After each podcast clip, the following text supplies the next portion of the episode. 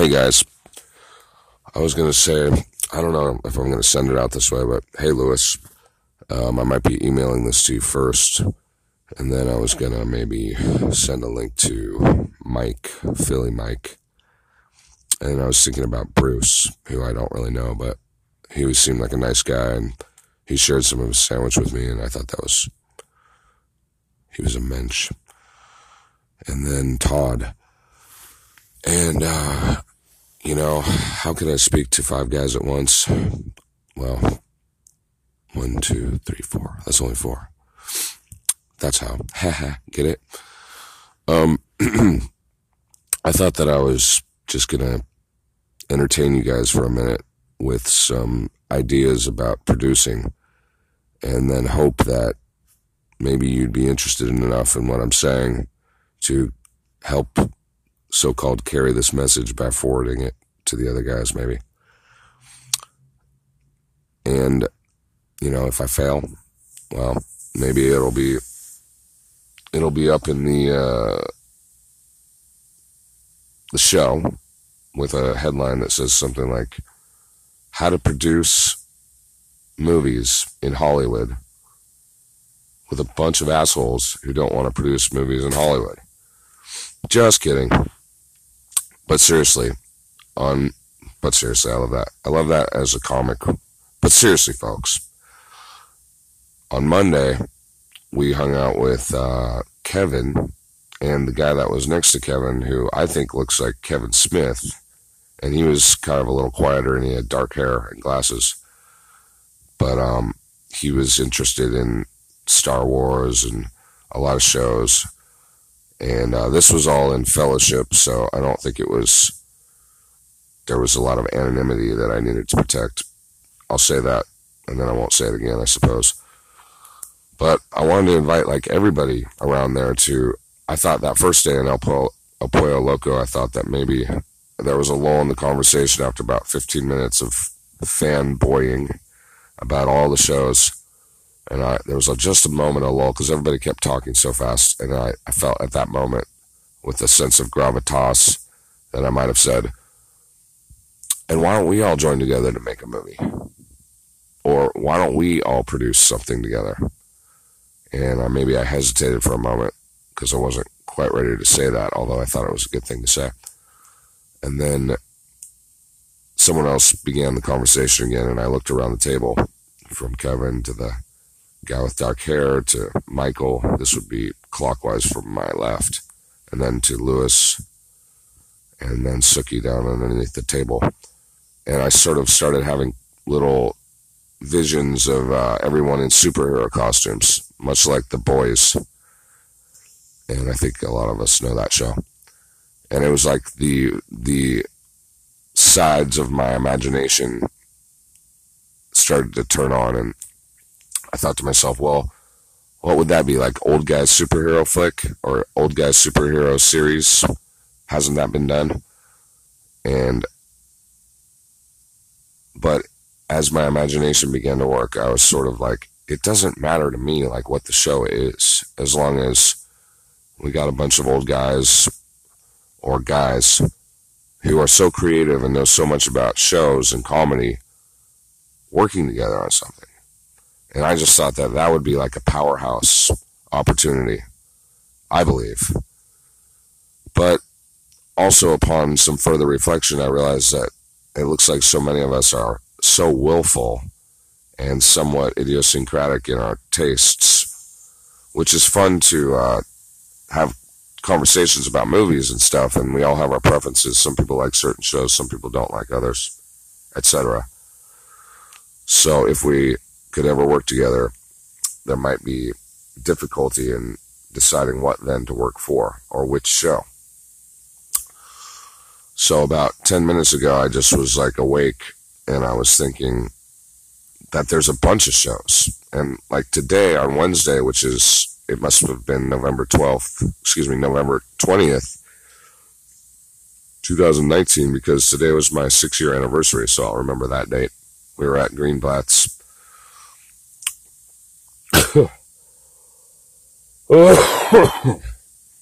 Pardon me, I'm getting over a cold. I hope I'm almost over it. I think I'm done with it. Uh, I I just ten minutes ago I started thinking about three different shows.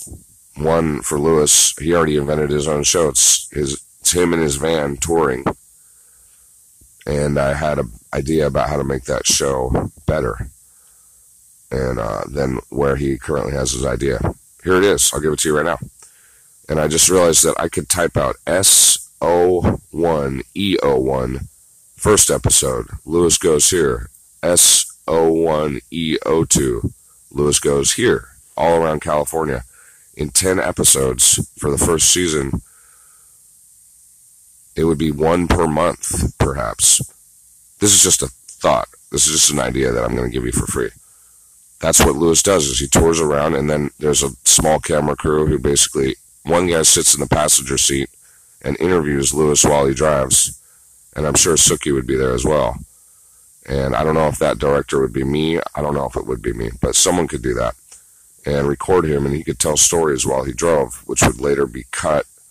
And the best stories or whichever the producer or editor chose or Lewis chose would be some of the good footage for uh, perhaps an hour long episode called not just Get in the Van, but something like Get in the Van with Lewis Officer. Excuse me, Lewis Offer.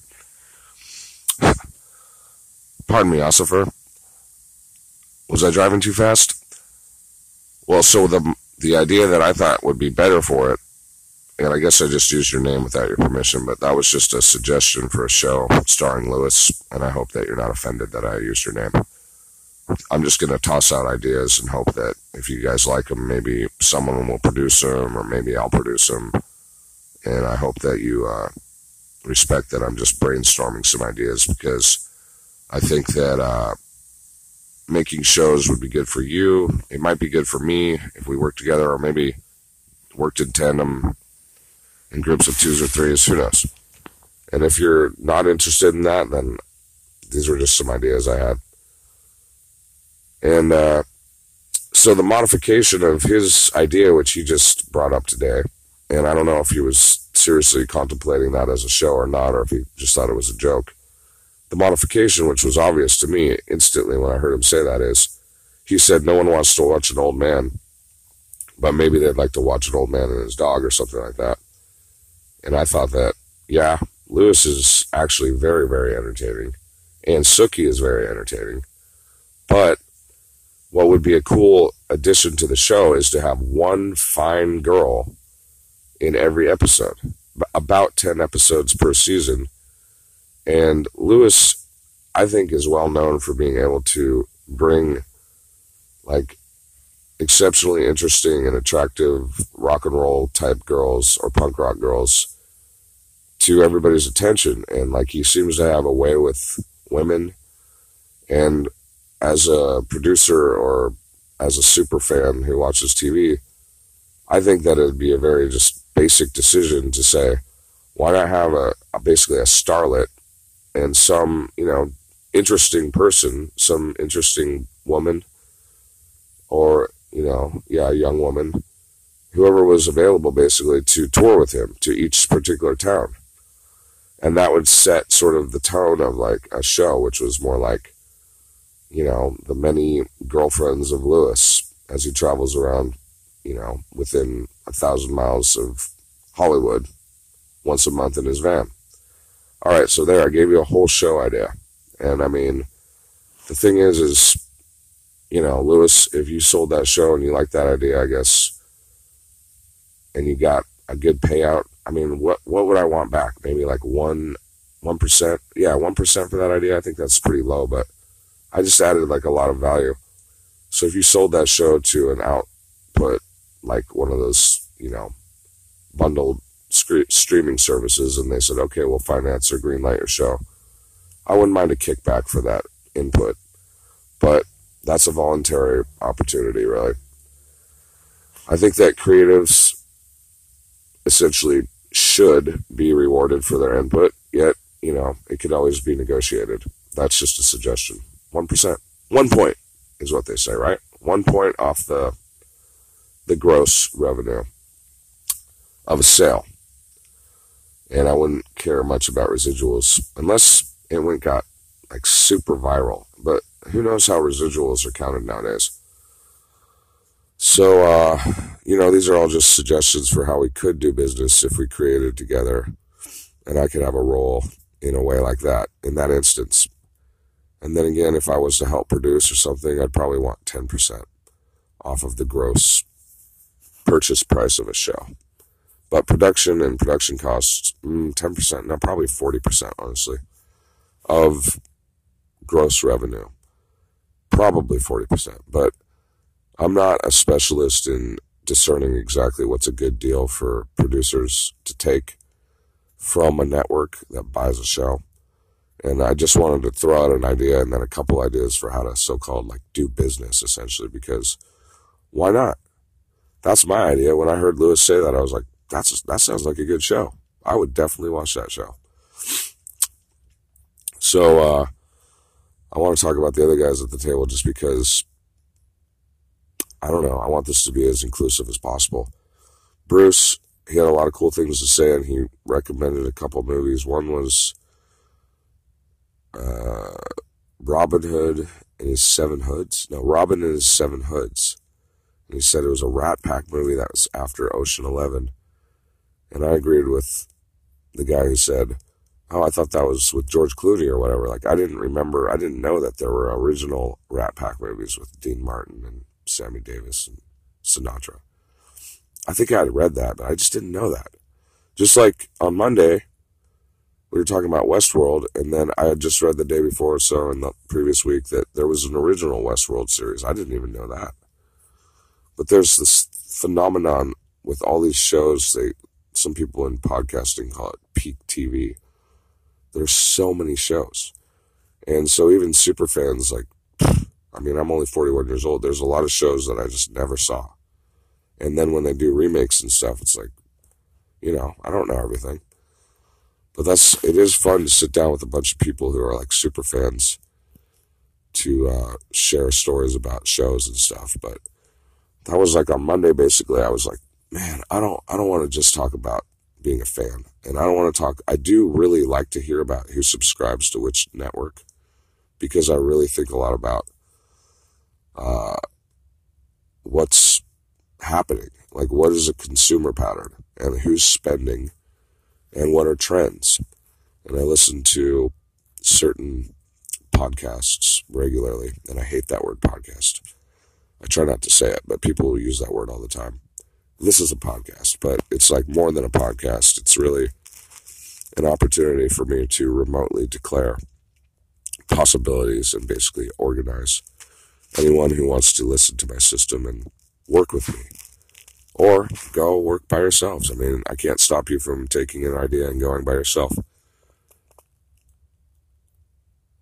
But I see the power of this system even though it's just a podcast platform, as an opportunity to remotely declare, that is, offer suggestions for behavior that can be then attended to, listened to, reacted against, or responded to. But I can motivate, I can organize, and we can work together. And this, I think, is part of that.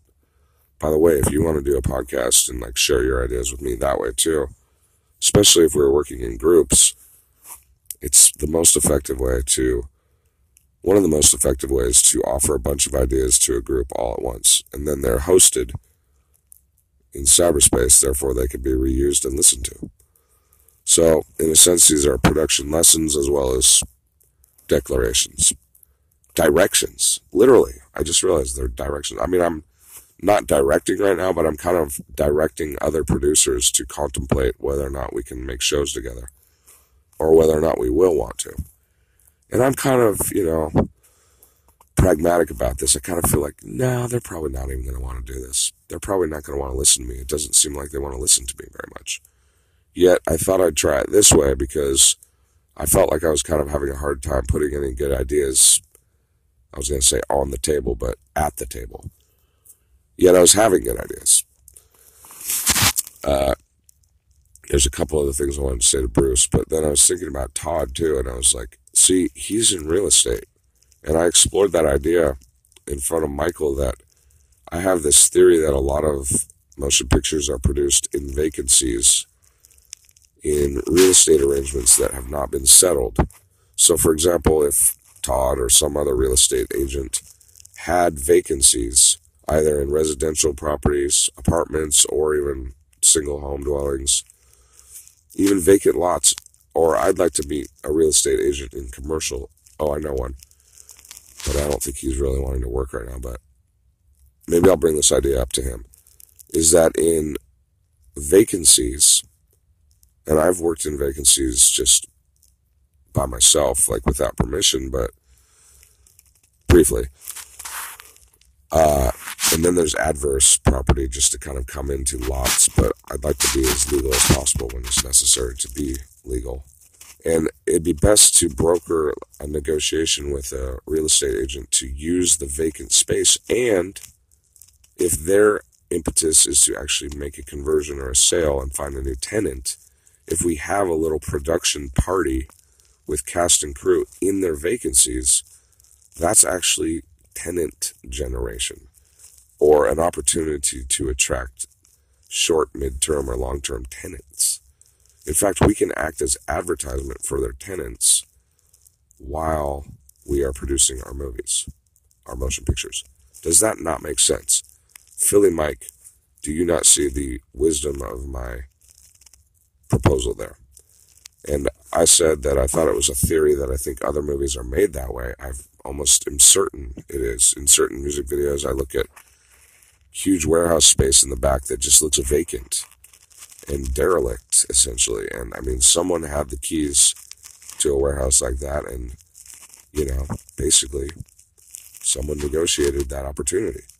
I've seen it over and over and over. It's just like people start dancing inside of a vacant warehouse and then, you know, they're producing a motion picture. It's just, that's how music videos are made. So who makes the deals? I would say the key holders, the title and deed managers or brokers, the real estate agents, and the producers of the motion pictures. Then are vacancies being filled? I don't know. Because some properties nowadays are probably going to remain vacant. But, you know, it depends on the location. We might be able to bring in a new tenant, or we might be able to drop a little bit of money towards the title holder, depending on the situation.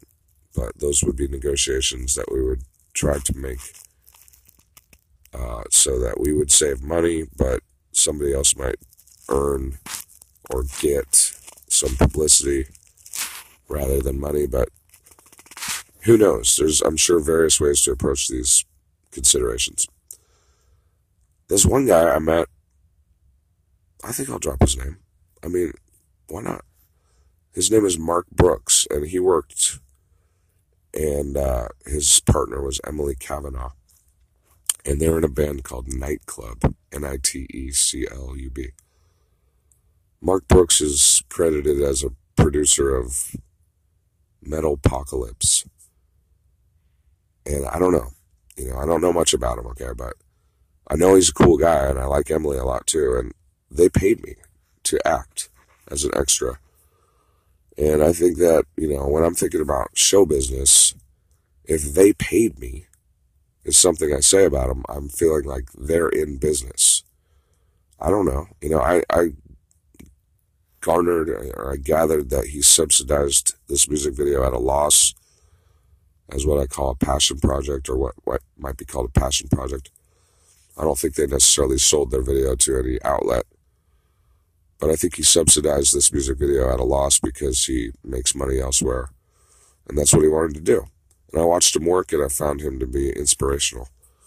By the way, Mark, if you ever hear this, uh, thanks for employing me for that one day. And I tried to contact you guys a couple times with some ideas, but I don't know if the platform prohibited the message from going through or if you were just busy. But, you know, I'd love to work with you again.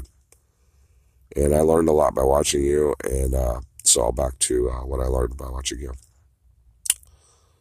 There was this huge warehouse out in, um, I don't know, it wasn't exactly Highland Park, but it was like maybe between Echo Park and um, sort of to the north. I can't remember what neighborhood it was called, but it was near some railroad tracks, and it was an old neighborhood. Oh, I, yeah, I don't remember. I'm sorry, guys, because I'm not from Los Angeles. It might have been Glendale, but it was on a flat, and it was an old, old neighborhood with like some old warehouses. So it's kind of like northeast of uh, northeast of Echo Park, I think. Um, on a flat in a flat neighborhood. I walked there, and I walked from Echo Park. took me about an hour, and so I showed up at this warehouse, and um, it was a little creepy. But we got into the back, and there was about six or ten guys like me, and we were all dressed in a black shirt and jeans, black black slacks. I mean, and uh, we were all just sort of extras. And he had we found him on Craigslist. I don't know if they all found him on Craigslist, but it was it was an easy negotiation, and I was looking for you know a paid extra gig on on the talent section of Craigslist.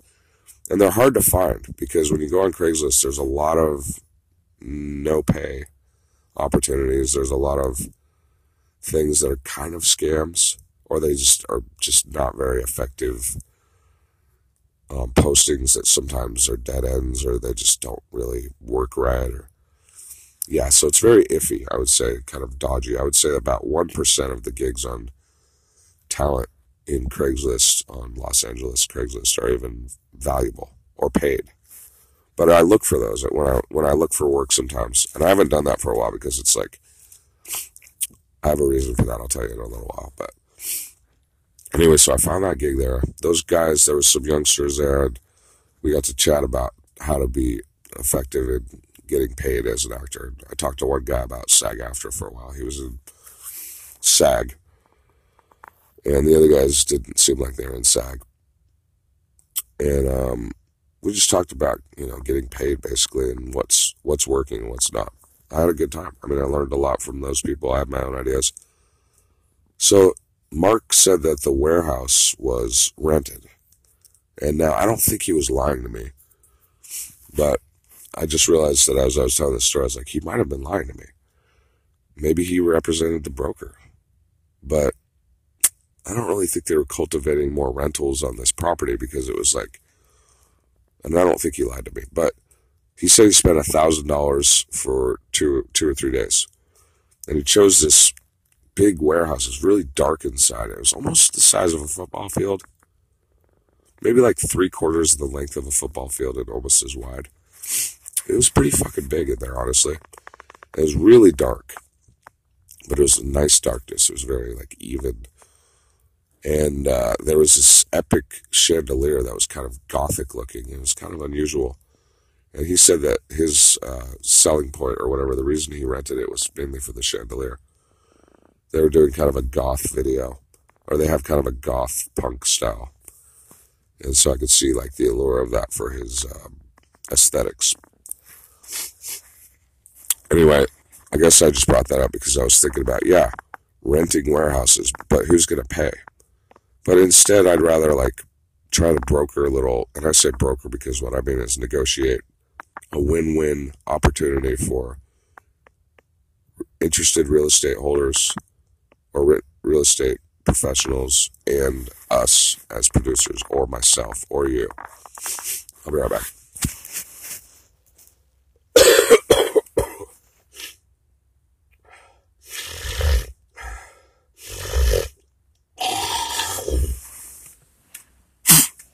yeah, I've kind of decided to start telling people I'm on location. And uh, I don't like to use deception amongst friends. So if I use a joke that's kind of like a bit of a devious use of linguistics, or what's that other word? Uh, oh, yeah, phraseology. Terminological inexactitude. Terminological inexactitude. If I happen to use terminological inexactitude in a rhetorical demonstration of my oratorical skills, or if I'm sales pitching, I would definitely never prefer to deceive my friends or my potential clients or talent or crew that I work with. I wish to essentially foster loyalty by speaking as forthrightly and honestly as possible, persistently. Although, in comedy and in production and in, yeah, mostly in humor, in jocular sort of uh, ribbing amongst allies and friends, a certain temporary deception may occur. It's basically the setup, and then the punchline comes after. So, as I say, I'm on location. I mean, the punchline is basically that.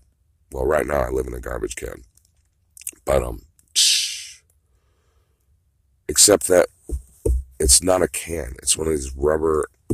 Literally, it's a rubber round container that is used in Beverly Hills as the garbage receptacle. It's like four times the size of an average Rubbermaid.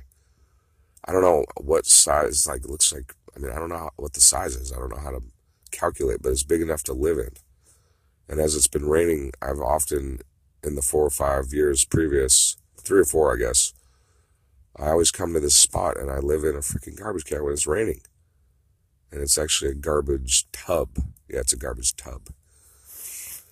I mean, I don't know if that's a punchline or not, but I've decided recently to start telling people I'm on location because instead of saying I'm homeless, which has all these negative connotations, I'm actually not homeless. I'm home right now. I just, my home is, you know, remarkably humble and odd, memorably idiosyncratic, and the story will never be forgotten typically that I'm Popeye the Sailor Man and I live in a garbage can. And I'm not even kidding, except for this is not aluminum, so that would be terminological inexactitude as well to say that this is a can when it's rubber. So the thing is, though, about perception management is that it seems like people don't want to do business with me when I'm a so-called homeless person. Yet today, and I was pretty pissed off today, honestly, because I want to produce. I don't want to fucking talk about movies all day. I want to make movies. And I haven't had an opportunity to express that. So I won't. I just did.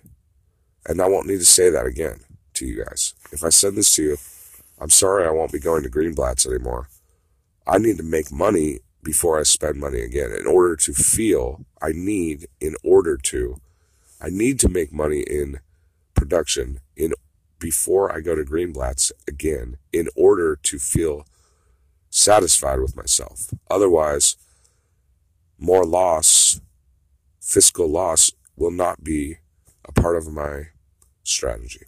Although I had, I got, I gotta say, I woke up in the middle of the night. I was like, you know what? There were a few things I learned.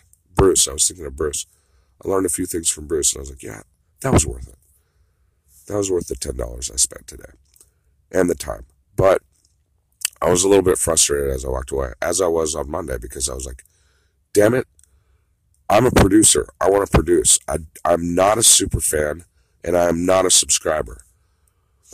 So uh, that's just about me. You know, I am a super fan, and I have subscribed to Netflix, but I cut my Netflix subscription. I cut the cord to Netflix 10 years ago. 10 years ago. 2009. I was already done subscribing. And so, like the subscription cycles and all these old media companies putting plus signs after their acronyms is so silly to me. I use it for my comedy routine, Mike. Disney Plus, you know, we got ESPN's penis, Edith's penis plus. You got Hulu plus, you got Netflix plus, coming out with Peacock. Put a plus sign in front of it and call it a new skinny bundle. It's not fucking that cool, honestly. It's like repackaging the same old shit. SSDD. And I'm sorry I'm being a little bit rude right now, but that's a form of humor too. And like, I'm competing against all the networks in the world. And my network is well developed. And I put a plus sign in front of my acronym too. If you want to see what it is, I'll tell you where it's at.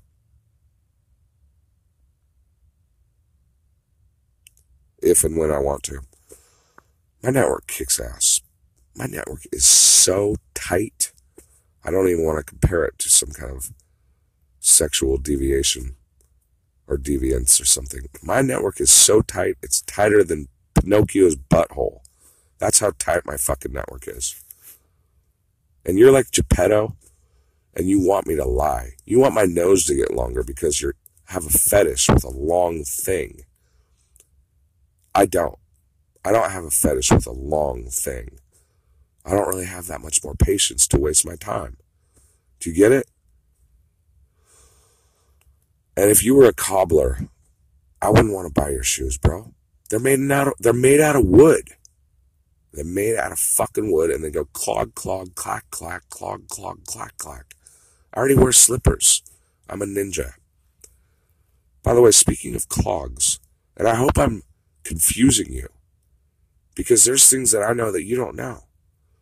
And you think you're so cool and old that the new dog doesn't have any good tricks. Well, guess what you are, bro? You're the old dog. I'm saying if the old dog and the new dog can't teach each other tricks, then what's the fucking point of teaching tricks?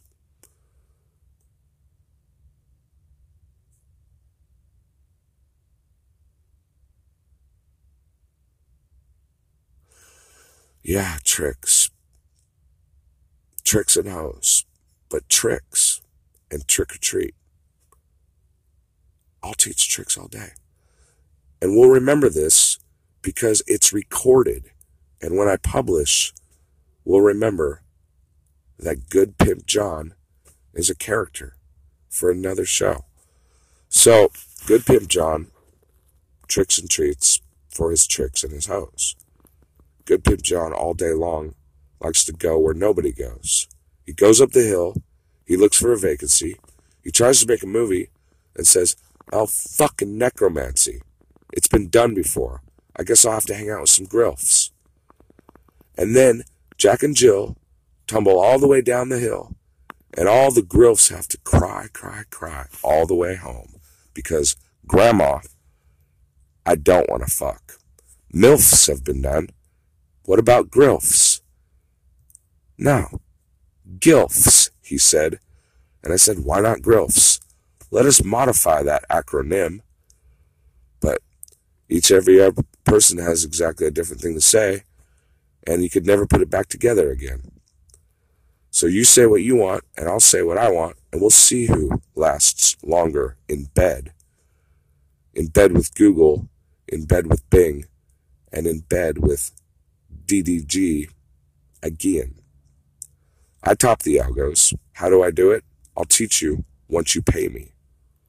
Distribution is key to the locksmith who paid me to sell his wares to ye. Anyway, I'll tell you rhymes and I'll reveal esoteric business strategies and network once in a while. After all, I may be a sorcerer and you may have the source, but raw materials will prevail. As capitalists, we take the raw and we craft it into something that then can be packaged and sold. Just remember, though, that I gave you this to you for free. And now, yes, you have been told. I suggest this to you as an offer, perhaps as a bid, a pitch, a tale, or a rhyme if all of us old guys can't work together, then I'll just take what is mine. So thanks for the company and thanks for the lessons and thanks for the recommendations. I myself have business to do. I am perpetually on vacation. And Lewis, as I said 30 minutes ago, I woke up and here I was in my camp and I even thought of Nicole, as I'm sure you recall. And I imagined her giving me production lessons for how to sell my difficult soul To the ones who will buy what I produce, the songs, the yarns, and the tales. Although I already said the word tale, I'll use it again. I mean, after all, this is all improvised. I travail. What is travail? I forget. I travail. Travail. My travails. My travails are fodder for abusement. Yes, they are. Difficulties shall be, shall be repackaged as mirth. And if you won't produce these shows with me, I'll find someone else on earth. There are plenty of actors, actresses, and producers. And yes, the players are a dime a dozen. I did like what Mike said that he's an actress, and I'd like to regender this authentically in division. In division. In the vision. Yeah, in the vision. For regendering our declaratives regarding our, you know, occupations, the roles, and the names of who we are is part of the show. And the remonstration, the declarations against those we do not know. Yes, the sales pitch and the camouflage, yes, the uh, the tale that we spin before those who have not yet paid us for all of the shows and all of the things that we knows. I don't know. I'm just saying, if you'd like to work with me, I'm a creative and I like to take 10%. But I'm also A&R, I'm also a talent scout, and I'm 110% legit. 110% of the whole could be divided between 5, 6, 7, or 8. It's only calculations numerically. Numerator, denominator. Oh, great. We can all have a piece of this motherfucking pie. And we can have our residuals mailed to us through U.S. Postal or through digital. For after all, I use the blockchain. I must remain decentralized with my finances. For I am so offshore, I am gay. At the North Pole, when I'm Santa Claus, and I'm flying in the sky in May. I have so many stories and songs to tell you and sing and lyrics to present. But after all, I can't tell if I'm an asshole, a gangster, or a gent. That's why I invented two acting schools. One is called Acting Like a Dick Lessons, and one is called Acting Like a Gent Lessons. Acting Like a Gentleman. Those acronyms are ALAG, excuse me, ALAD and ALAG.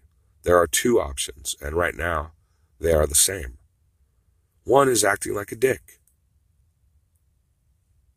Lessons. And one is acting like a gentleman lessons.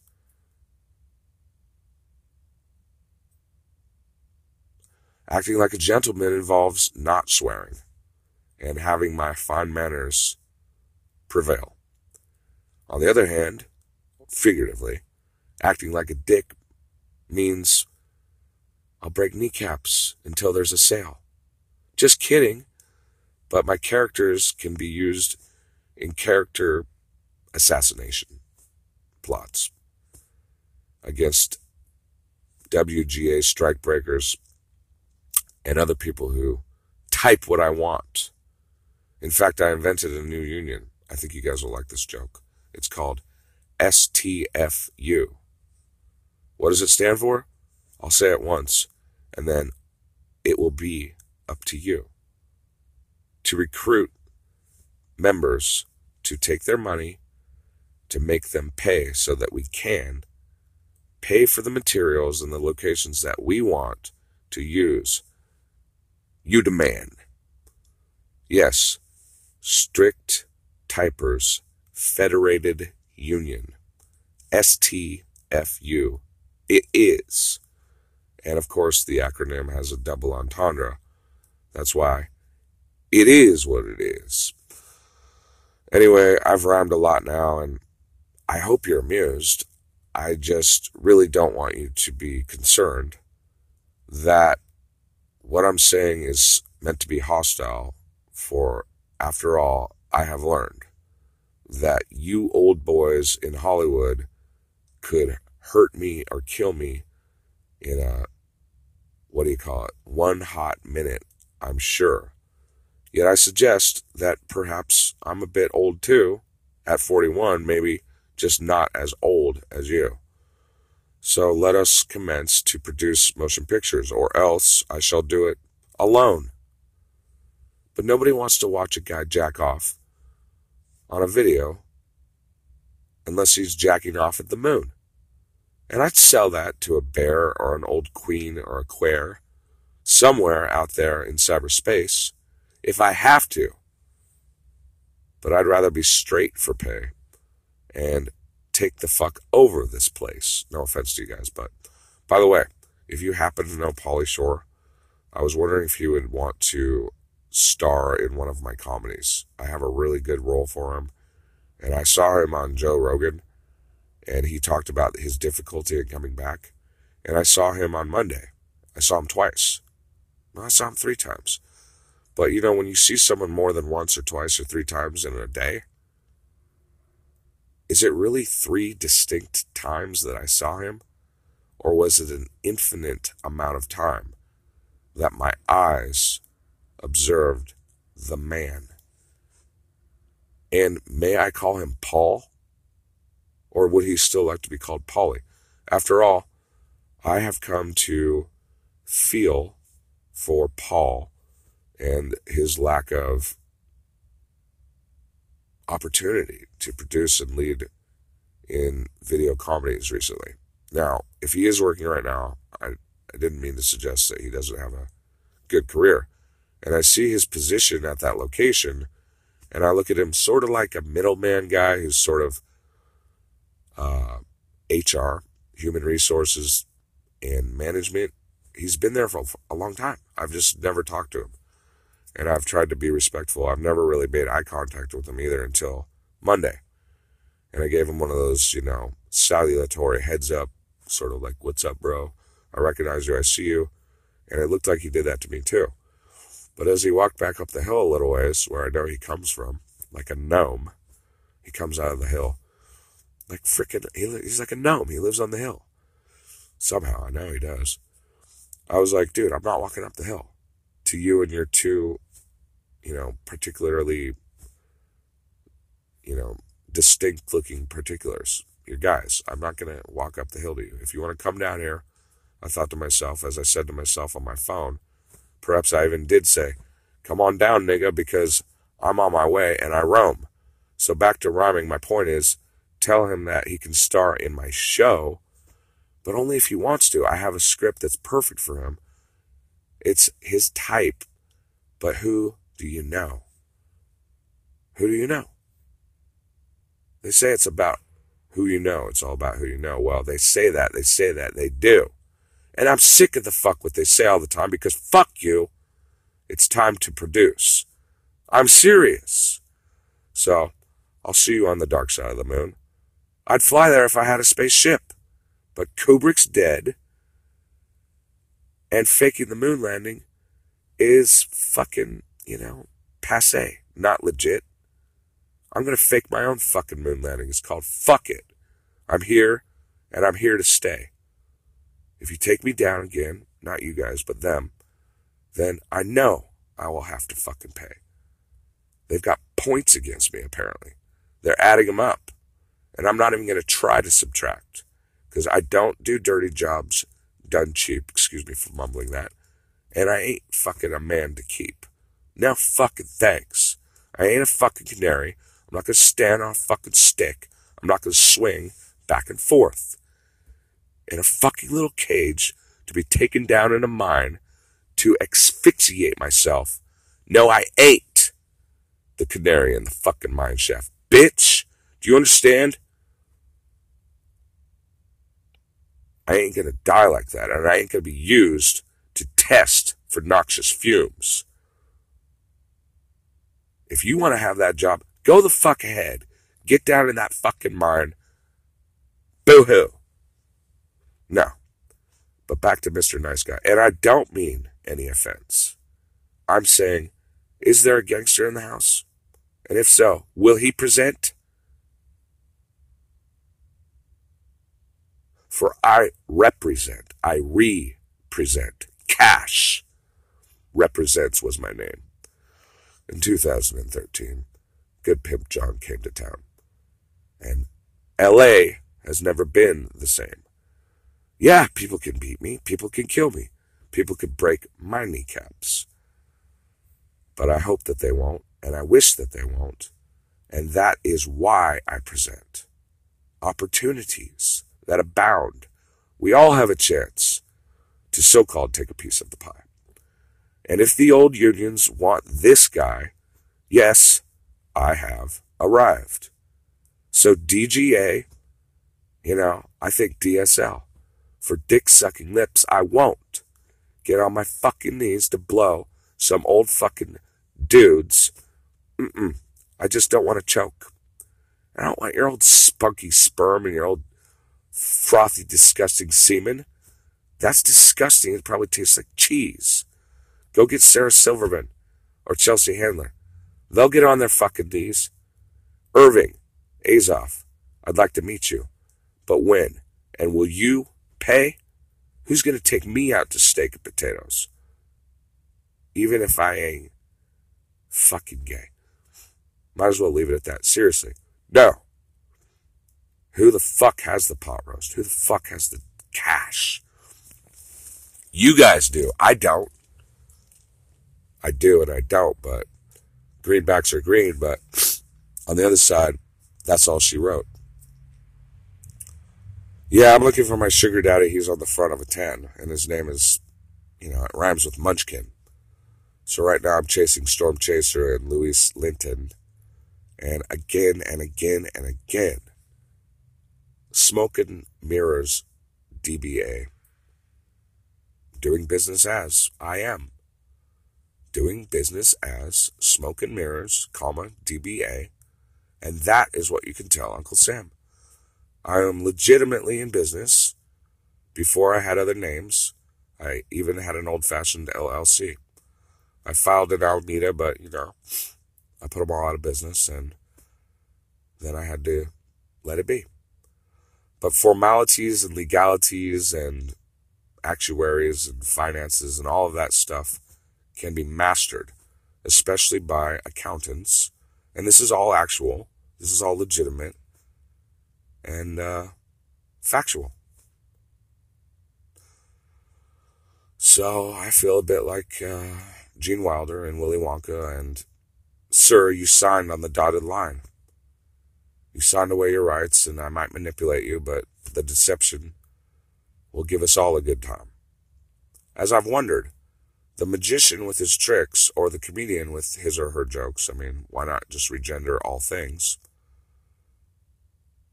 The magician with the wave of her wand, she deceives us as she metaphorically sings.